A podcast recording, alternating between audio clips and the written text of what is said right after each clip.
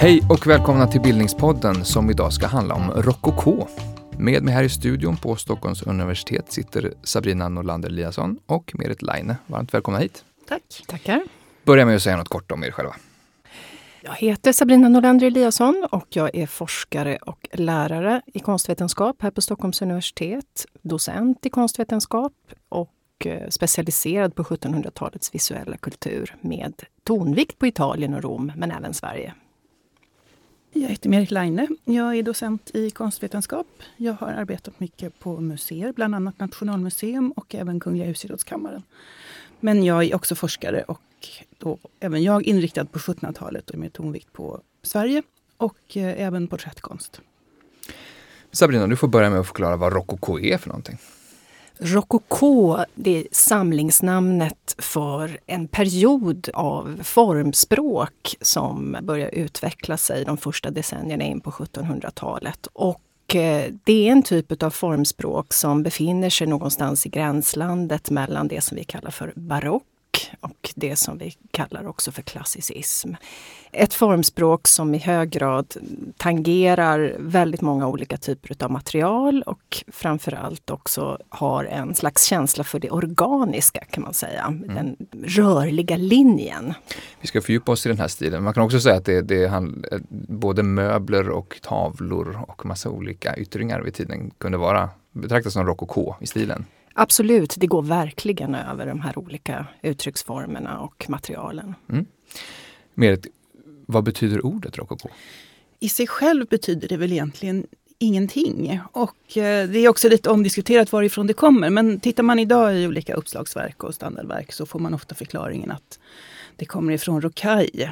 Som då i sin tur är en form av dekor som är gjord av skrovliga klipp klippor och snäckor och som man från 1500-talet har använt framförallt för att skapa grottor och fontäner.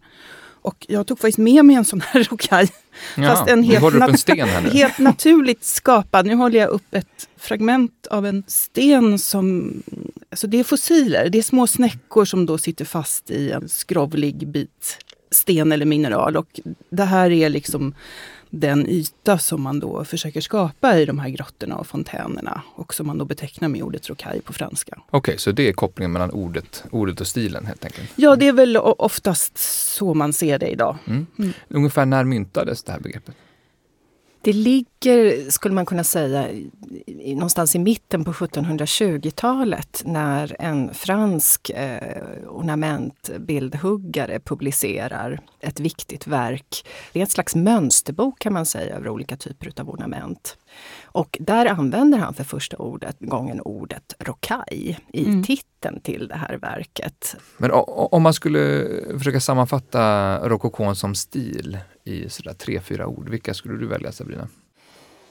Formrikedom, excess. Alltså överdrift? Ungefär. Överdrift, lätthet och elegans. Mm. Men det eleganta och lättsamma, så det märks både i, i, i hur konsten är målad men också vad den föreställer. Ja, absolut. Gäller det både för rokokon som stil hos möbler som hos uh, målningar? Så?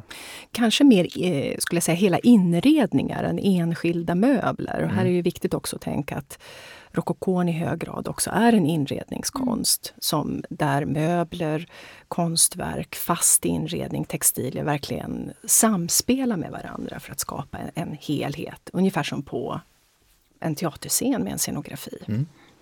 Man skulle kunna säga också att det finns en slags paradox i det här, kanske framförallt när det gäller just konsthantverket strävan efter å ena sidan att det ska se lätt ut, alltså att det ska vara tillkommet utan ansträngning. Å andra sidan så att det faktiskt ofta har varit extremt svårt tekniskt att mm. utföra. Mm. Eh, om man tänker sig de här väldigt kurviga möblerna till exempel. Det är ju verkligen att arbeta mot träets natur. att skapa det här och, och, och det är ju oerhört Alltså dels kräver det ju en, en skicklighet i att få till själva möbelns form, men om man också tänker sig att man arbetar med fanermöbler, alltså man, man limmar på ett tunt ytskikt, så är ju det också så att säga emot fanerets natur, liksom, att det då ska böjas kring de här runda formerna. Mm. Eh, och också om man tänker sig porslin, och, och man tänker sig att man har en lerklump och sen ska man liksom få till silkespapperstunna nästan, porslinsblommor och, och, och draperier som fladdrar iväg och så vidare. Att, att, att, ja, man, har verkligen, man har gjort det oerhört svårt för sig för att åstadkomma det här lätta. Mm. Och ge ett tidsspann ungefär, när är, när är den här stilens guldålder? Man kan säga är 1720-30-talen mm. är verkligen, det tar fart så att säga. Och sen kan man väl säga då att man får en lite mer mognad eh, i stilen mm. på 50 och 60-talen och sen avtar det här då man går in i nästa typ av formskede. Okay. För när man började prata om rokoko specifikt så var det någon slags inbyggd kritik i begreppet, eller? Ja, det är intressant om man tittar på konsthistorieskrivningen, hur man har skrivit om, om 1700-talets eh, konst tidigare, så är det ju ofta så att man går tillbaka till de närmaste källorna. Då kan vi se en kritik väldigt stark hos eh, den franska upplysningsfilosofen Denis Diderot till exempel, som ju är verksam vid den här tiden, något senare dock, eh, och dessutom är konstkritiker, som vänder sig också väldigt, väldigt kraftfullt mot eh, det tidiga 1700-talets visuella kultur, då med betoning på måleri eftersom mm. han var just konstkritiker. Vad var det man eh, hade problem med? Man kan väl säga att det var ett moraliskt problem. Mm. Och eh, den här moraliska upprördheten så att säga, den riktar sig dels till motivvärlden och där då Diderot riktar in sig på de här erotiska motiven.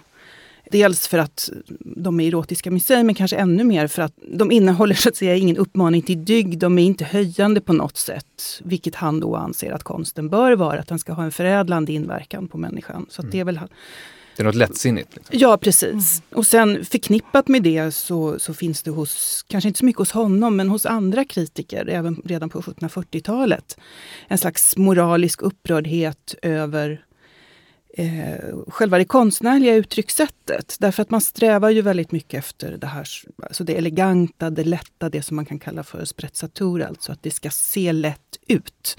Konstnären kan ha ägnat en oändlig möda mm. åt att tillägna mm. sig sin teknik och sin, sin förmåga att komponera och anatomi och så vidare, men det får inte synas. Mm. Och det man strävar efter, det man skriver om, det är då latouche, alltså, an, alltså ansatsen av penseln mot duken. Och den ska mm. synas och det ska mm. liksom... Ja, man tänker sig man spelar någonting på piano, liksom väldigt mm. elegant och behagligt. Liksom. Så ska det se ut. Mm. Medan då kritikerna menar då att, igen kan man säga med en slags avsiktligt missförstånd, att man då hävdar att det här som ser lätt ut också var lätt. Det vill säga att de här konstnärerna är lika ytliga och, och, och oseriösa så att säga i sitt hantverk i sitt yrkeskunnande som de är i sitt motivval. Mm. Och med ett missförstånd så menar du att man, de företräder en ny en ny stil. Ja, men jag, menar, jag tror också att de var ju naturligtvis mycket medvetna om att det låg ett hårt arbete bakom det här. Men man använder, det är här, den här kritiken är ju otroligt retorisk. Och det är också lite intressant tycker jag att, att så många inom konst, alltså senare tiders konsthistoriker och konstvetare har läst den här retoriska kritiken som en slags faktisk beskrivning av vad rokokon är. Mm. Eh, och, och, vilket då har lett till ofta ganska egendomliga och missvisande slutsatser. Mm. Kan inte du försöka sätta ord på det Sabrina, vad, eh, hur den där schablonbilden av rokokon ser ut? Det ligger väldigt mycket i eh, just problematiken som berör den här lättheten. Både den tekniska lättheten och lättheten som man också kopplar då till motivkretsarna. Och det, motivkretsarna i det här fallet hamnar ju naturligtvis någonstans i den konstnärliga traditionen. Det vill säga det finns ett berättande måleri, det finns motiv som har tydliga så att säga, indikationer på att man vill få betraktaren att tänka någonting eller uppleva någonting. Men den här lättheten är också i hög grad kopplad till 1700-talets konversationskultur. Att ha, Vad innebär det? Det innebär att, att det är i mångt och mycket också ett slags talande visuell kultur där samtalet står i centrum och där en människa inte bara ska ha kunskaper så att säga, utan också kunna besitta förmåga att förmedla de här på ett väldigt lätt och elegant sätt. Det vi kallar för esprit, eller det man på engelska kallar för wit till exempel. Mm. Slagfärdighet, som är kanske inte riktigt lika elegant ord på svenska. Men den här lättheten i konversationen, den fin det finns ett slags eh, analogi i den visuella kulturen vid den här tiden. Och den, det, det, ska mär, det, det, ska märkas i konsten? Det ska märkas. ja, precis. Att det, att det på något sätt finns en, en eh, korrelation mellan de här två olika sociala uttrycken om man så mm. vill. Jag tänker att många eh, har en relation till det här ordet kanske via typ Antikrundan om man hör att en möbel har av stilen rokoko. Mm. Märks det även i, liksom, i, i hantverket? Eller handlar det här framförallt om måleriet?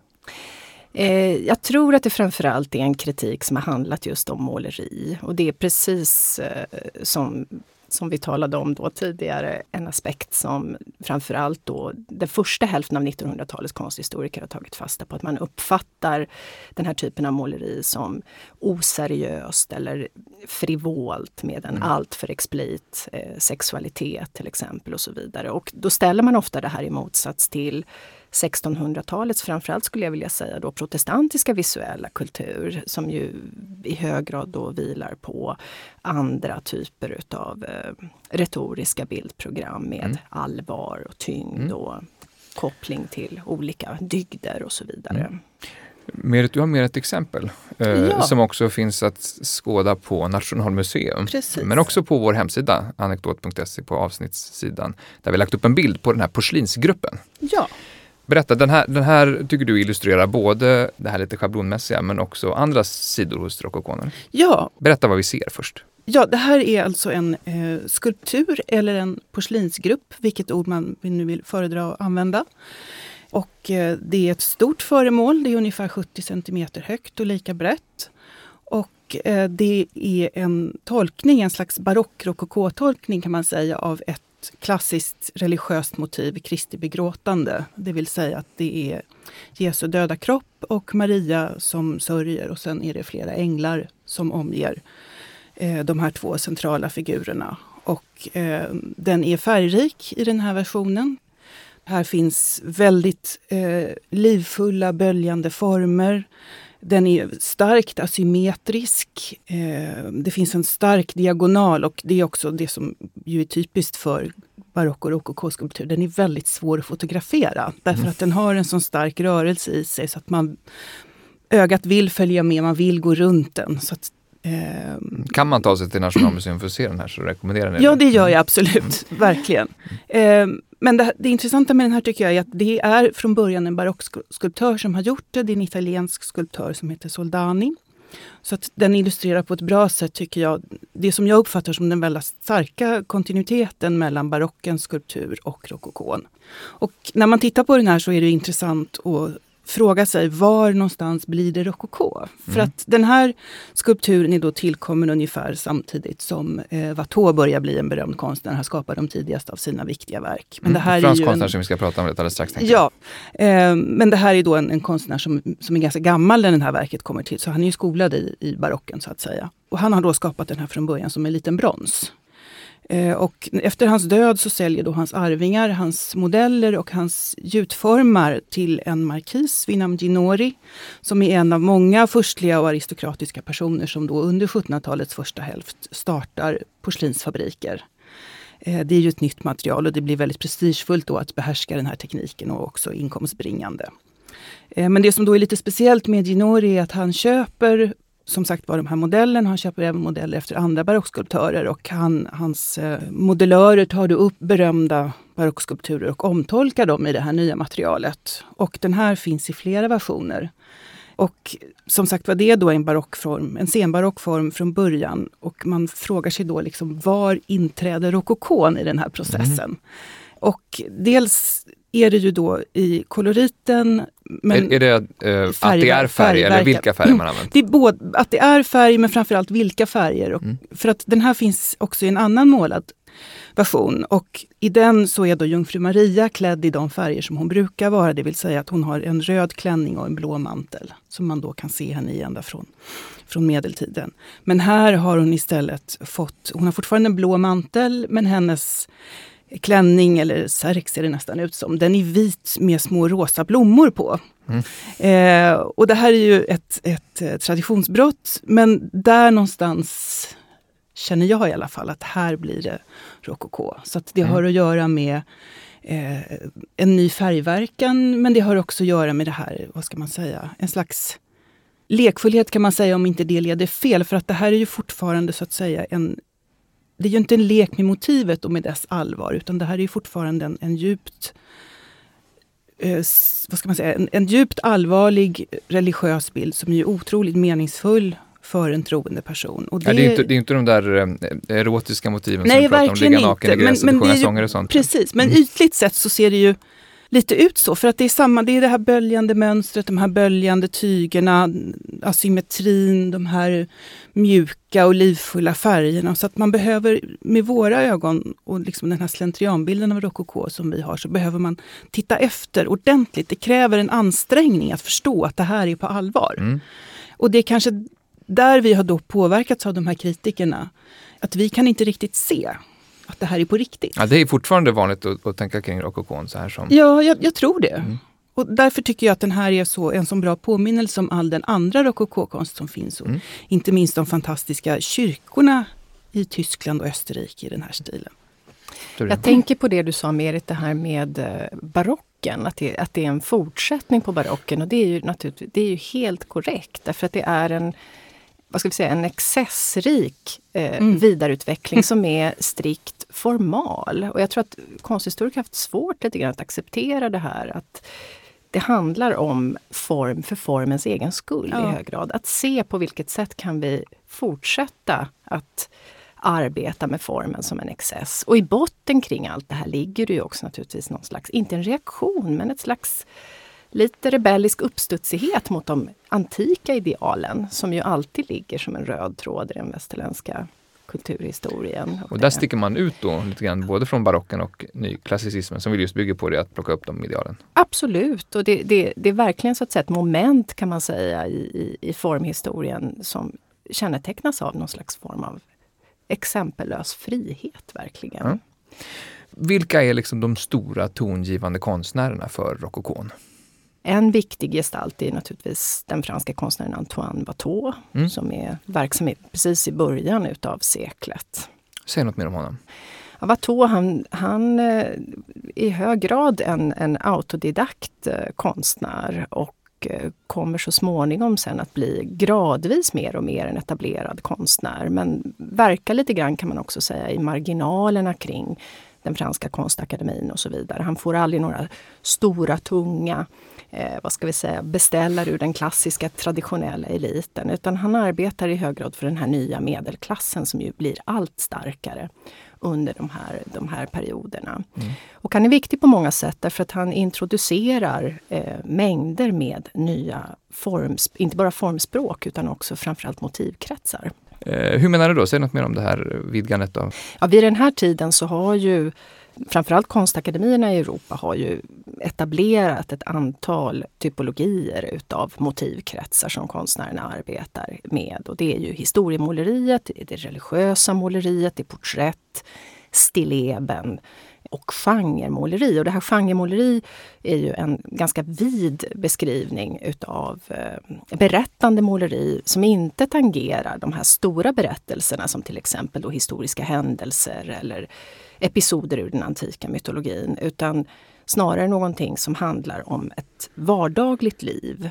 Och framförallt så är det här en genre som växer fram i det nederländska området under 1600-talet. Och det här plockar eh, Watteau och hans efterföljare då i hög grad väldigt mycket upp och man, man tittar väldigt mycket på den här eh, genre-typologin. Men man utvecklar den och gör den lite mer abstrakt och lite mer allegorisk som vi skulle säga, med lite mer mättade budskap. Jättebra tillfälle att förklara vad en allegori är. Ja, en allegori det är när man eh, försöker att bildmässigt förklara ett koncept eller en idé utav något slag. Till exempel om man vill illustrera kärleken så kanske man väljer att göra det med hjälp utav kärlekens gudinna Venus till exempel och så vidare. Mm. Fler konstnärer? Ja, jag vill gärna nämna en, en italiensk konstnär, porträttmålaren Rosalba Carriera som ju finns lite grann eh, under ett år av sitt liv, 1720 till 21, i samma kretsar i Paris som Watteau och som också lite har samma gynnare som han. En väldigt viktig person, en samlare som, vid Pierre Crozat, som då tillhör lite grann de här nya grupperna av konstsamlare och mecenater som kommer till i Frankrike vid sidan då av kungafamiljen och aristokratin. Han är då en oerhört rik bankir. Mm. Som då som sagt var bjuder in Rosalba Carrera som då redan är en berömdhet. Hon är verksam i Venedig i vanliga fall och tillhör då de internationella eller internationellt inriktade konstnärerna som, som får uppdrag av eh, besökare som alltså kommer till Venedig under sin Grand Tour. Och, eh, hon är pastellmålare, en teknik där man målar med pastellkritor så att säga. Och hon utvecklar då, precis med de här stildragen som, som Sabrina har beskrivit, den här lättheten, elegansen, en väldigt ljus och fin kolorit och så vidare. Även om hennes bilder idag är ganska blekta så att man kan få en lite, de är lite väl ljusa. Mm. ehm, och hon, hon är då, blir då så berömd så att Crozat bjuder in henne och hon uppfattas så sin samtid som en, en, en verkligen en stor konstnär och en förnyare av porträttkonsten. Och jag kan nästan inte komma på någon konstnär som har varit så uppburen i sin samtid och som sen har blivit så enormt nedvärderad. Mm. Hon förknippas väldigt mycket med det här den här ytligheten som man då kritiserar rokokon för. Och hon är också en mästare i den här latouche, den här lätta mm. elegansen i, i, sin, sin teknik. Men hon var då som sagt var oerhört uppburen. Och eh, hon höll öppen ateljé kan man säga hemma hos Crozat så att konstnärer fick komma dit och studera hennes teknik och, och, det var flera utav då redan berömda uppburna franska porträttmålare som tog väldigt starka intryck av henne. Och en som då fortfarande var väldigt ung och precis i början på sin karriär var också den svenska porträttmålaren Gustav Lundberg som också mm. blev pastellmålare. Han skriver, när jag såg hennes verk så kastade jag penslarna och har därefter bara hållit i kritan i princip. Och eh, de här influenserna bidrar ju då väldigt starkt till hur porträttmåleriet sen utvecklar sig under det som ska bli då så att säga rokokons porträttmåleri. Mm. Är det så att det här är en, en stil som, som har eh, sin tyngdpunkt i Frankrike men uppenbarligen fler länder representerade? Ja, så är det definitivt. Och jag tror att man kan se det också som att i Frankrike så finns det stora innovationer vad gäller just måleriet. Och sedan naturligtvis det som, som, som Merit nämner så är Venedig ett väldigt viktigt område. Både vad gäller då porträttmåleriet med Rosalba Carriera mm. men sen så småningom också monumentalmåleriet med Giovanni Battista Tiepolo till exempel som är en stor monumentalmålare. Med monumentalmålare menar du stora tavlor? Ja, då tänker vi på arkitekturbundet måleri, till exempel stora takmålningar som ju är en tradition från 1600-talet men som verkligen finner så att säga, sin absoluta kulmen under, under rokokon i Europa. Mm. Och det kan man ju se då både i Venedig till exempel men framförallt i Sydtyskland som ju är ett annat väldigt, väldigt viktigt fäste så att säga för rokokon. Men även i Ryssland så hittar vi fantastiska exempel på, mm. på detta. Ja, jag, jag kan tänka också att, att rokokons ju, eller uttryck är ju lite olika också i olika länder. Ja, att, att just i, i Tyskland och Österrike så finns ju den här fantastiska monumentalarkitekturen som just nu i alla fall inte riktigt kan komma på att det finns något motsvarande i, i, i Frankrike och inte heller i Sverige. Där jag tycker att man ibland nästan faktiskt kan associera till gotiken. För att det är samma, precis som du pratade om tidigare, den här viljan att, att att lösa upp det klassiska. En slags vilja att upphäva materialets lagar nästan också. Att man vill bryta upp det här med bärande och buret och så vidare. Och det blir en slags de här böljande formerna som vi då pratade om i den här gruppen, att, att de också liksom kännetecknar hela arkitekturen. Och det är ju verkligen en slags antiklassicism kan man mm. säga. Mm. Jag tänker på precis det du säger med formen. Och någonting som vi också kan se om man tittar just på interiörkonstens interiördesignen från den här tiden. Och då tänker jag mycket på Italien här. Det är just hur man ser att möbler, till exempel soffor och speglar hänger samman. Man låter inte de här eh, möblerna så att säga vara separerade utan det är som en enda lång böljande linje där man låter spegeln växa samman med soffan till exempel. Just det, vad är motsatsen? Motsatsen är ju att vi har ett separata ting så att säga som kanske är placerade intill varandra men inte så att säga organiskt hänger ihop. Och tanken här är att soffan så att säga organiskt blir en spegel. Mm. Eh, några av Watteaus mest kända tavlor är, är skildringar av eh, resor till kärlekens ö. Eh, det finns tre tavlor med samma motiv. Vad, är liksom rokoko i de här, om vi skulle gå igenom det? Ja, de här målningarna är ett exempel på en väldigt specifik genre som, som Watteau då kan man säga skapar och det är det vi kallar för fett galant på franska. Mm. Och det är återigen då egentligen en, en bildkonvention som går tillbaka på 1500-talets venetianska måleri när man börjar att eh, gestalta sällskap i samtida kläder som befinner sig ute i vackra eh, idylliska landskapsmiljöer. Men där det ofta kan finnas någon slags vag underton för den initierade betraktaren av något slags väldigt dolt budskap. Men det är inte alltid så tydligt eller explicit. Man kan titta på såna här målningar och bara njuta av dem eh, vad gäller färg och form och de här idylliska iscensättningarna.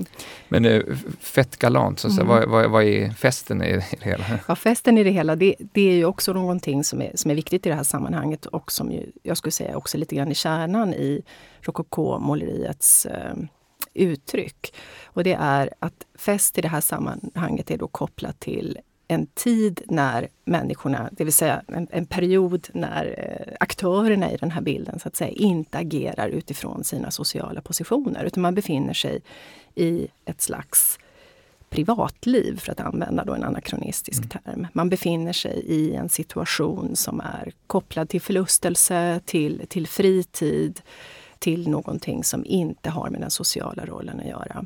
Och det här kan man ju då koppla negativt eller inte om man så vill, med begreppet eskapism, ett slags flykt ifrån ett, en, en vardag eller en slags social roll. Mm. Det ligger lite i den här lättsinnheten också? Det, det, gör det ju absolut. Eh, samtidigt så är det viktigt att komma ihåg att med den här de här motivkretsarna då med, med resan till Kutera. Just det, Kutera är kärlekens ö. Som är kärlekens ö eftersom det är kopplat till Venus som föds utanför, utanför Cyperns kust. Mm. Och det här är då en, ett bildprogram eller en bildikonografi som har långa, långa traditioner.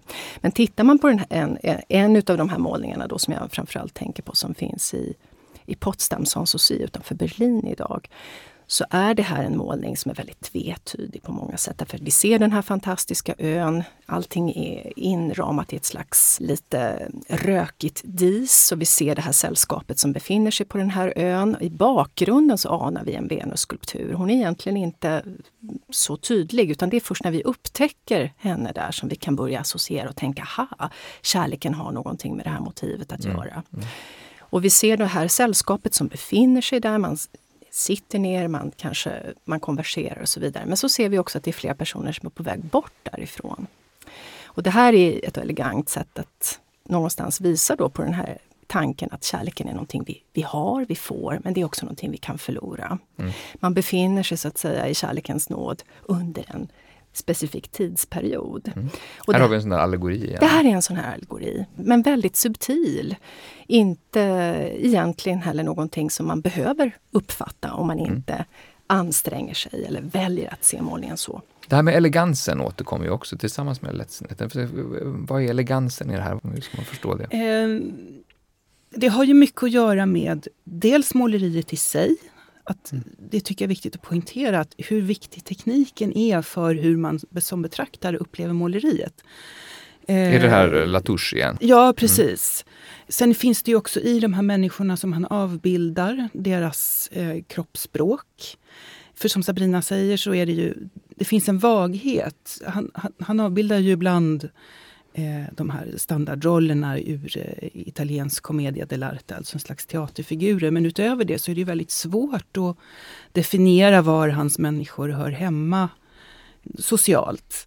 Eh, men man kan då se som sagt på det här kroppsspråket att det är så att säga ändå en, en, en kultiverad grupp personer så att säga.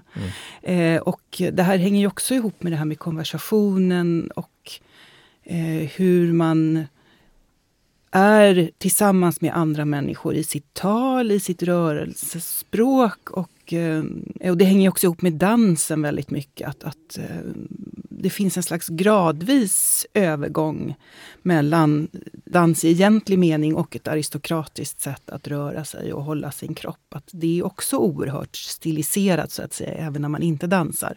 Och det är också någonting som avspeglar sig då i hur man skildrar människor, både i den här typen av fett galant men även porträtt och, och så vidare. Det verkar ju vara en väldigt homogen stil vid tiden som ni beskriver den. Men finns det liksom historiska, idéhistoriska, sociala, politiska aspekter som kan förklara varför den här stilen dyker upp vid den här tiden? Eh, om man tittar på rokokon som genre så är det ju ofta någonting som man förknippar med det icke-representativa och det privata. Det finns ju också representativ rokoko, precis som de här kyrkorna till exempel och vissa också interiörer och även representativa förstliga porträtt och så vidare. Men, men det är mycket privatliv? Men specifikt så skulle jag nog ändå säga att, att det är någonting som man förknippar med det privata. Befinner vi oss i ett förstligt palats så, så är rokokon framförallt någonting som vi hittar i, i de mindre rummen där man då ägnar sig åt det här mindre formaliserade umgänget. Men jag tänker också att en aspekt som jag tror är giltig i stora delar av Europa, det är ju också att en ny grupp personer har möjlighet att konsumera mycket mer. Och det är ju eh, en borgerlighet som å ena sidan då kan vara oerhört förmögen som den här samlaren till exempel, Pierre Crusat och andra som kanske är ja, en framgångsrik silversmed till exempel. Mm.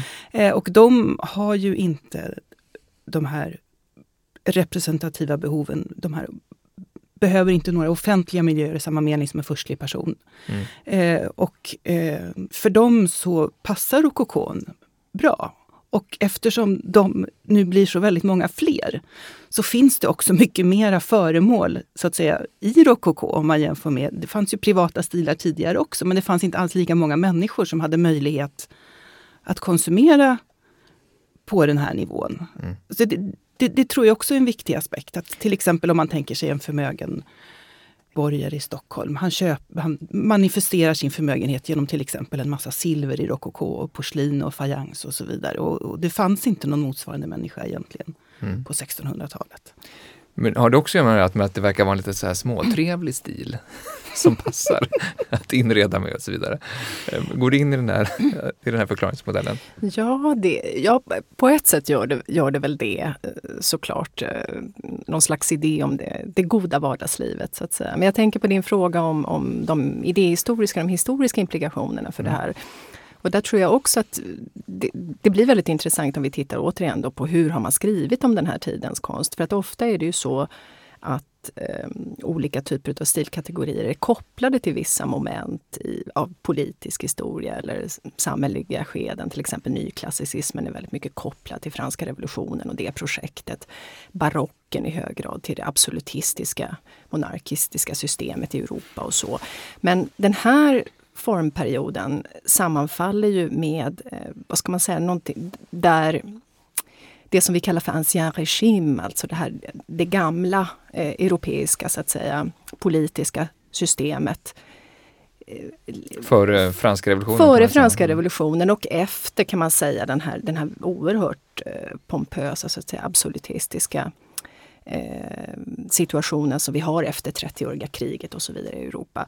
Att det inträder ett slags status quo situation, det vill säga att, att eh, de här regelverken upprätthålls så att säga. Och, men det, det, sker, det är klart att det finns krigsföringar, det finns diplomatiska konflikter och så vidare. Men det är inga stora eh, genomgripande, så att säga, paradigmskiftande mm. eh, saker som sker under den här perioden. Däremot om vi flyttar fokus till Sverige så ser vi ju att vi har, eh, skulle jag säga, ett oerhört intressant moment under den här tiden och det är ju frihetstiden. Det vill säga den period i vår politiska historia när makten plötsligt inte primärt ligger hos kungen utan ligger hos riksdagen, hos parlamentet helt enkelt. Mm. Eh, så att, och vad menar du att det innebär? Ja, det innebär att, att eh, det är klart att, att monarken som gestalt är fortfarande oerhört viktig. Eh, har ju naturligtvis en politisk funktion och så vidare.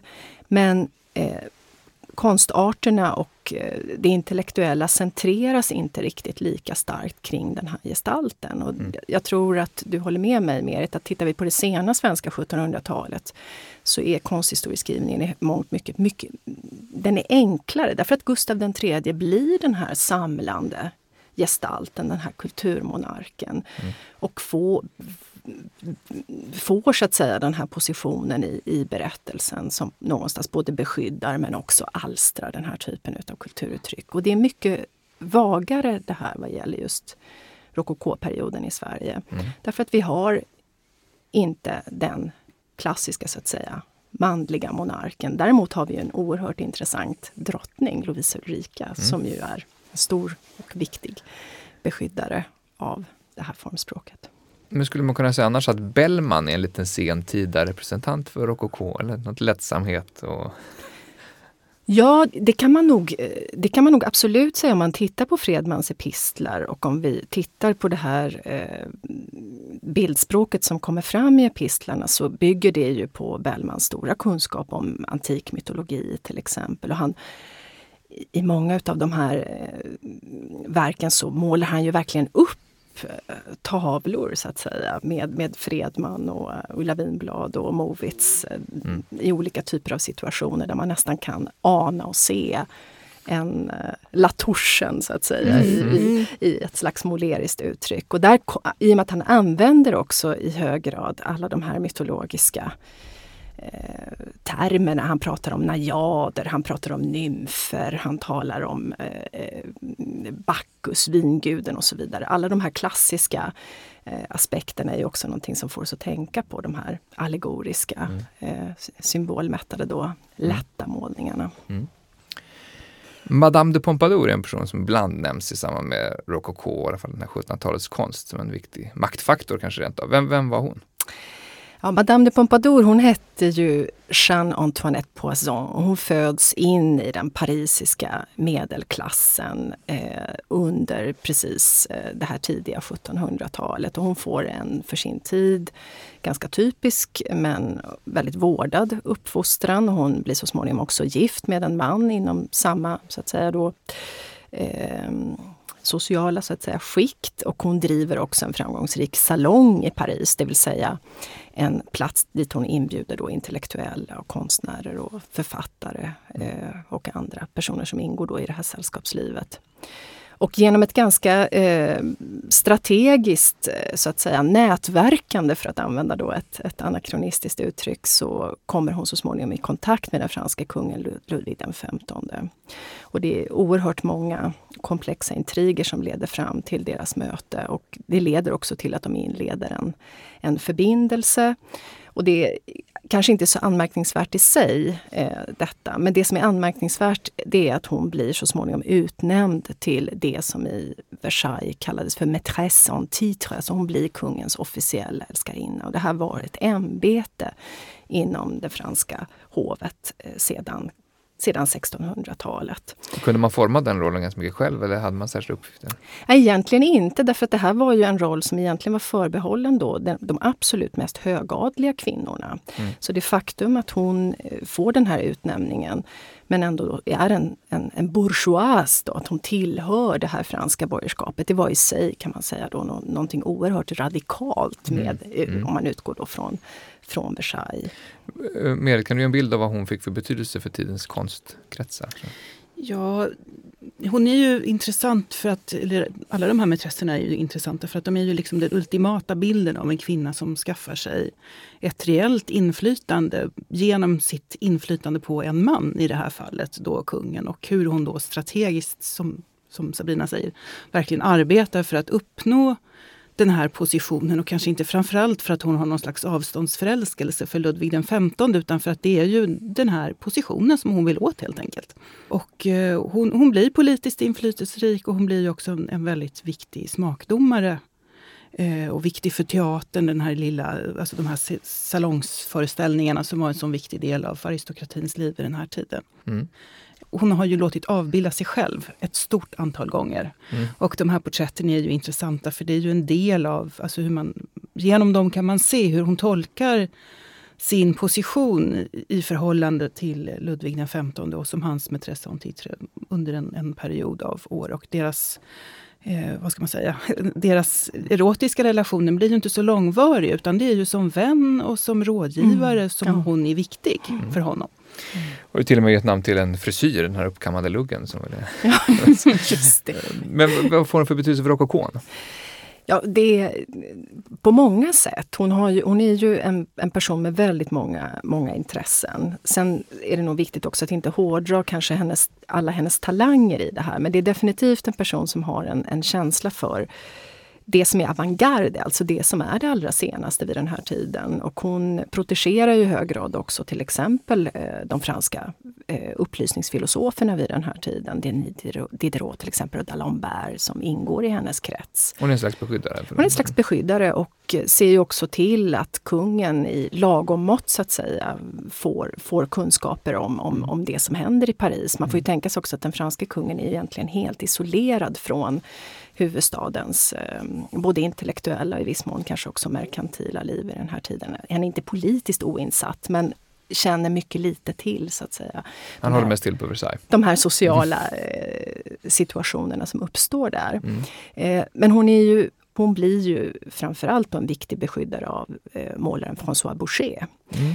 Som ju är med och bygger upp hennes personliga bild bildkultur kan man säga och den som också skapar mängder utav, utav eh, intressanta porträtt där hon framhåller och iscensätter sig själv och sin, sin roll på olika mm. vis. Vi ska zooma in på ett enskilt verk av honom lite senare. Men bara kort någonting om rokokon eh, i Sverige. Merit, du har intresserat för en målare som heter Gustav Lundberg. Mm.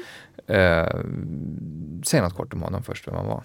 Han eh, kom ifrån en guldsmedssläkt och, eh, men utbildar sig själv till bildkonstnär. Och det här är ju verkligen under svåra krisår i Sverige. Det finns väldigt få människor som har råd att, att skaffa sig så väldigt mycket silver och det finns också få människor som har råd att eh, göra så många andra konstnärliga beställningar. Så att han, han ger sig då iväg utomlands 1717. Men, men till skillnad från många andra så kom han då inte hem igen mm. förrän betydligt senare. Så att han var verksam i Paris från 1717 till 1745 när han då kallas hem för att bli hovmålare hos den nyvalde tronföljaren Adolf Fredrik och Lovisa Ulrika. Mm.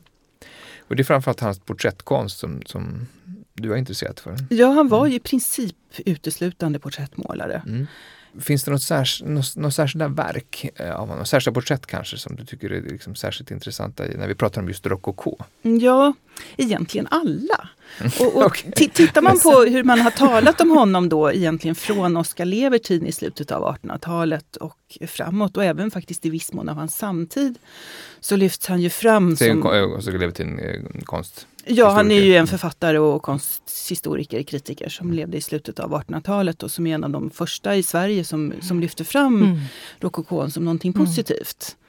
Och att, att man då har lyft fram honom som en som är särskilt skicklig då på att måla unga kvinnor, vackra unga kvinnor. Det är ju kanske någonting, ett fenomen i sig som man också i väldigt stor utsträckning förknippar med rokokon. Det är liksom det typiska motivet på något sätt. Det är en vacker ung kvinna egentligen. Eh, oavsett om det är en mytologisk gestalt eller ett porträtt eller vad det nu kan vara. Men jag tycker egentligen att Lundbergs mansporträtt är mycket intressantare för att de, de är precis som den här eh, skulpturen av Soldani som vi tittade på, porslinsgruppen, att, att de är i en slags spänningsfält mellan alltså olika, olika värderingar, olika ideal på 1700-talet som hänger ihop med, med historia och som hänger ihop med en slags patriotism. Bland annat porträtterar han eh, svenska officerare som reste till Paris för att ja, ansluta sig till armén där. Berätta precis. om de porträtten. Um, och det, är ju då, det, det fanns ett, ett svenskt regemente i fransk tjänst som etablerades under senare delen av 1600-talet. Och, eh, um, att vara officer det var ju ett yrke, ett, ett adligt yrke så att säga. Och för adelsmän i deras uppfostran så var ju den här utlandsresan, kavaljersturen, en, en väldigt viktig del och den kunde ju ofta pågå under flera år. Och eh, om man då hade ambition att bli officer så blir det här en slags förlängd del av den här utbildningen utomlands. Att man då man reser till Paris och man, man eh, tjänstgör i det här regementet då under en tid. Ehm, och det är som en, ett, en, en av de här unga adelsmännen skriver i sina brev att det vet alla människor att det är i Frankrike som krigskonsten mm. utövas i sin fulländade perfektion. Så det finns en slags nästan estetik till och med i det här. Det var en underbar finsk kulturhistoriker eh, som uttryckte det så att kriget är en slags ballett vid den här tiden. eh, och det är den här porträttgenren då som Lundberg utvecklar för de här... Alltså han, han har en väldigt stor svensk kundkrets även i Frankrike. För att det är ju som sagt var många som reser dit av olika skäl. Kavaljersturer eller att man är diplomat eller ja, olika skäl. Um, och han börjar då um, på 1730-talet göra väldigt förfinade, och det är nästan alltid bröstbilder då, för man kan inte göra pastellen så väldigt stora av tekniska skäl. Bröstbilder, eh, menar du? Ja, de skärs av under brösten kan man säga. Mm. Eh, så det är an, fokus på ansiktet. Så att, mm. Och det ställer också väldigt speciella krav på konstnären. Man kan inte använda kroppsspråk och kläder så väldigt mycket, utan mm. det är just i ansiktet och frisyren och sminkningen som man måste få fram det man vill ha sagt. Eh, och de här bilderna, de, de går lite grann tillbaka på karolinsk porträttkonst, några porträttbröstbilder av Karl XI postumt och Karl XII som Lundbergs lärare då, eh, David von Kraft målade. Så att grund, Lundberg är ju själv grundad i den här karolinska mm. traditionen kan man säga. Eh, och för de här unga adelsmännen, de det är en del av deras identitet att de också tillhör den på något sätt. Att, att det är en del av att vara en svensk adelsman. Det är de här karolinska dygderna. Att, att man, är, mm. man, man, är hård, man är djärv i strid eh, och så vidare. Men samtidigt så vill man då tillägna sig den här franska förfiningen. Mm. Så att det är liksom det bästa av två världar kan man mm. säga som, man, som man då vill sammanföra i sitt eget levnadsideal och som Lundberg då lär sig att att, uttrycka med fulländning. Men om man nu är en så skicklig målare av unga kvinnor, är det något som märks i porträtten av de här ja, militäriska männen? Alltså, det, det, man kan säga är ju att just de här, den här elegansen och förfiningen är ju väldigt stor utsträckning någonting som, som finns hos både män och kvinnor i det aristokratiska idealet för den här tiden. Om man då så att säga bejakar det här vi förknippar det mycket med Frankrike, men det är ju mm. ett internationellt aristokratiskt ideal. Eh, så att skillnaden är att om man är en ung kvinna så har man egentligen bara det. Eller mm. det är egentligen allt som förväntas av en. Men om man då är en man så ska man ha andra kvaliteter också. Så att det, i båda, för båda könen så ingår ju då Eh, eh, förmågan att konversera. Det ingår en ganska djup bildning, även om då man som sagt helst inte ska demonstrera den för mycket. Mm. Eh, och det ingår en slags kompetens att utöva sin roll i samhället på ett mm. bra sätt. Och det är ju någonting som gäller i lika hög grad för kvinnor som för män. Men för män finns också den här det som förknippas med maskulinitet. Alltså, och i sin mest typiska form skulle jag väl säga att det är då krigarrollen. Det. Men det finns ett, samtidigt ett starkt feminint drag i tidens manlighet också. Ja, fast jag tycker inte att det är feminint. Alltså det blir inte feminint förrän i och med kritiken mot rokokon. Det är då mm. som det här femininiseras. Du mm. kan titta på sminkning till exempel. Eh, och det är ju under 1700-talet, både män och kvinnor i aristokratin är väldigt starkt sminkade. Vi skulle förmodligen tycka att de såg helt groteska ut med, mm. med mycket vitsminkade ansikten, väldigt tydligt markerade svartade ögonbryn, väldigt röda kinder och väldigt röd mun.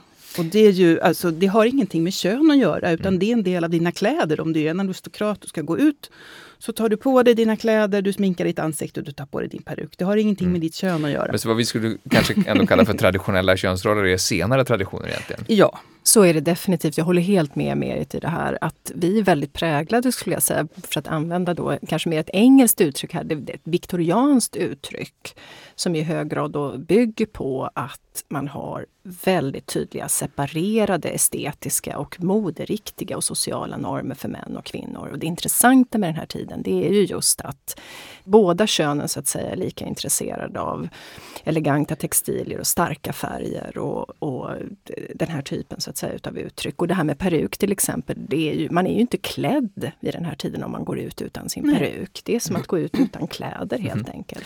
Jag tycker att det är roligt när man eh, undervisar kring de här sakerna på universitetet och studenterna förfasar sig över de här, de här eh, många av de här porträtten och uttrycken. Och, eh, och, då, och då säger jag, nu läser ni historien baklänges. Mm.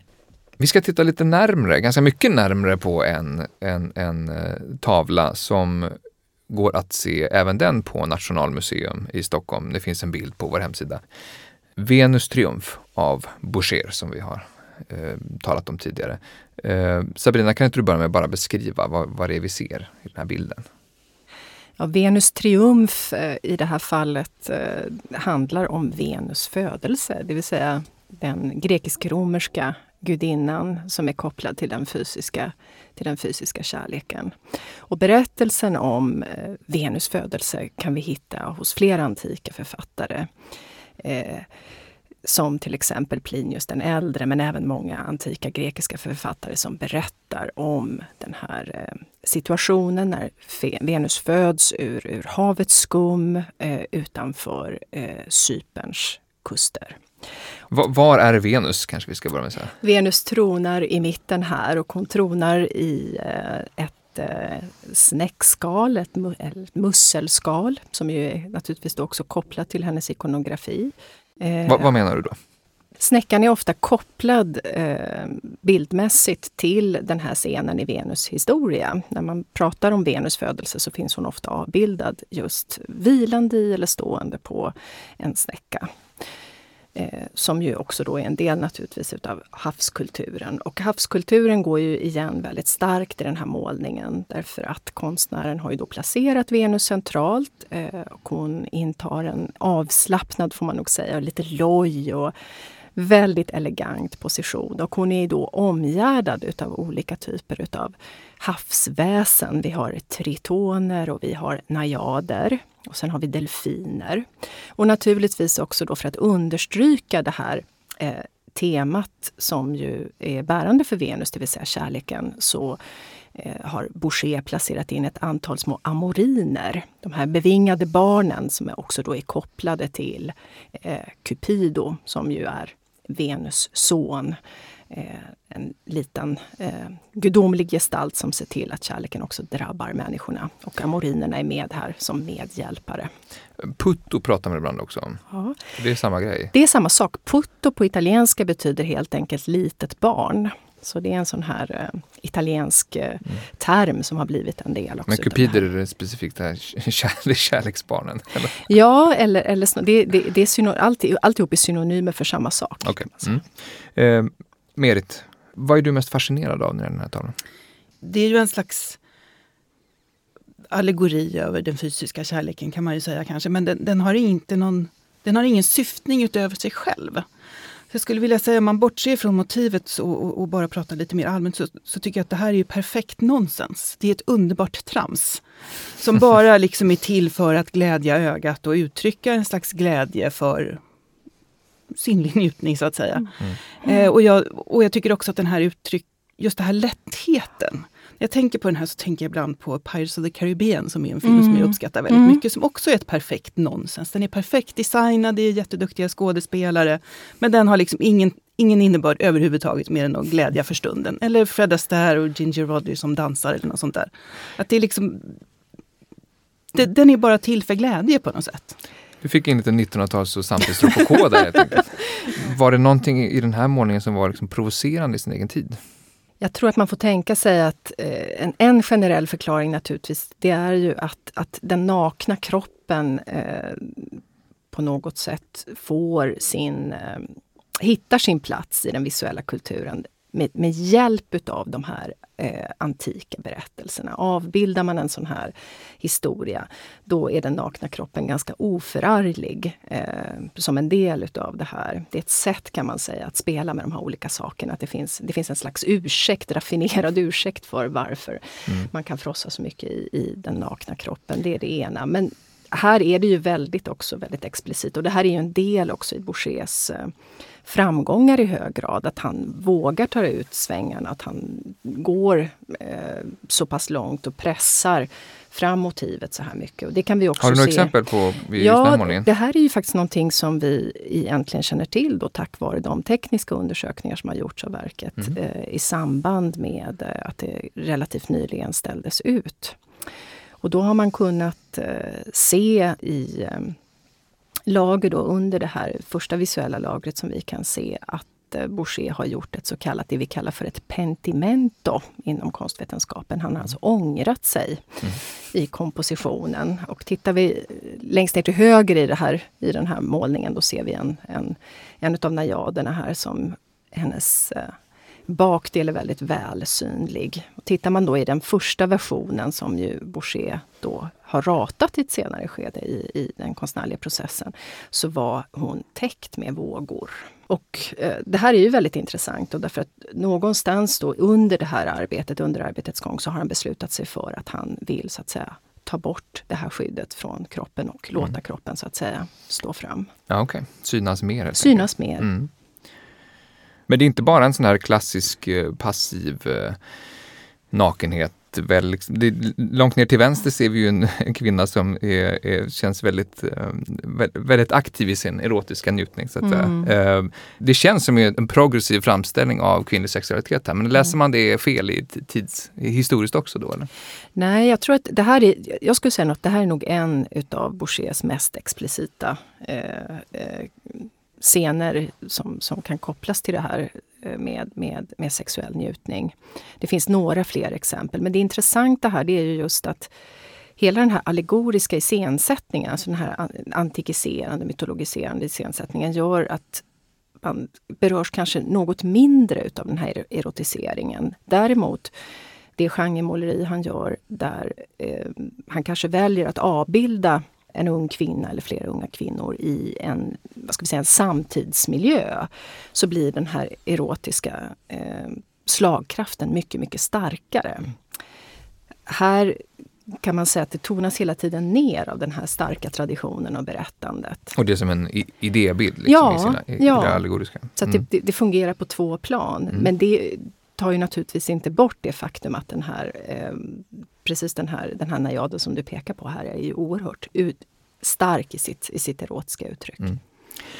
Eh, Merit, den här, den här tavlan finns alltså på Nationalmuseum. Eh, Boucher är en av de stora. Den här tavlan är väldigt känd. Hur hamnar den i Sverige?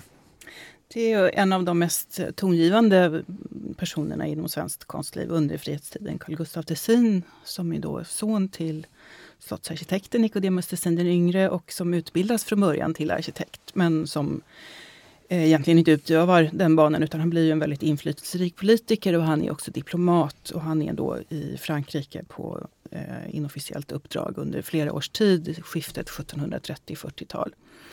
Eh, och då är han också väldigt mån om att framträda som konnässör på den franska konstscenen. Och eh, han köper mycket, han köper en fantastisk teckningssamling Eh, och eh, även en hel del måleri, inte så mycket skulptur. Och eh, han, han eh, köper på auktioner men han gör, beställer också en del verk.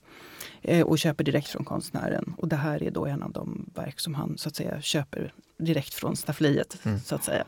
Och som sen, han sen får hem till Sverige. Och han var ju väldigt mån om att då spela en framträdande roll under sina ambassader och det var ju ganska dyrt och eh, bara i mycket liten utsträckning då finansierat eh, med hjälp av staten. Så att han, han eh, gjorde av med en väldigt stor del av sina tillgångar under framförallt de här åren i Frankrike och det gjorde då att han eh, fick lov att sälja sina eh, samlingar och en väldigt viktig köpare blev ju olika medlemmar av den svenska kungafamiljen. Och när det gäller målningarna så köpte då den regerande kungen Fredrik den första dem och gav dem då till Lovisa Ulrika som i det här tillfället då var svensk kronprinsessa och som också själv var en samlare. Och det här var ju ett tillskott då till hennes samling som eh, gjorde att den faktiskt fick en helt fantastisk kvalitet. Och det här, den här samlingen blir sen då också kärnan i Nationalmuseum så att det är därför som den finns där mm. idag. Den är anmärkningsvärd också genom att vara så intakt i sin helhet, eller hur? Det är en originalspännram och sådana här mm. saker. Eh, du nämnde att det har också gjorts en del tekniska undersökningar. Du nämnde några av dem här. Varför mm. har man valt att göra det just på den här tavlan?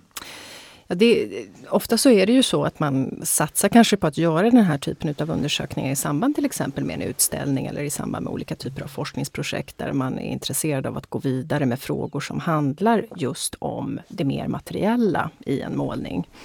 Eh, ofta när vi talar om konst så talar vi ju kanske om det det bildmässiga eller det mm. idémässiga mm. innehållet som en, som en målning uttrycker. Men en målning är ju i mångt och mycket också ett tredimensionellt föremål mm. som vi idag kan undersöka på många olika sätt.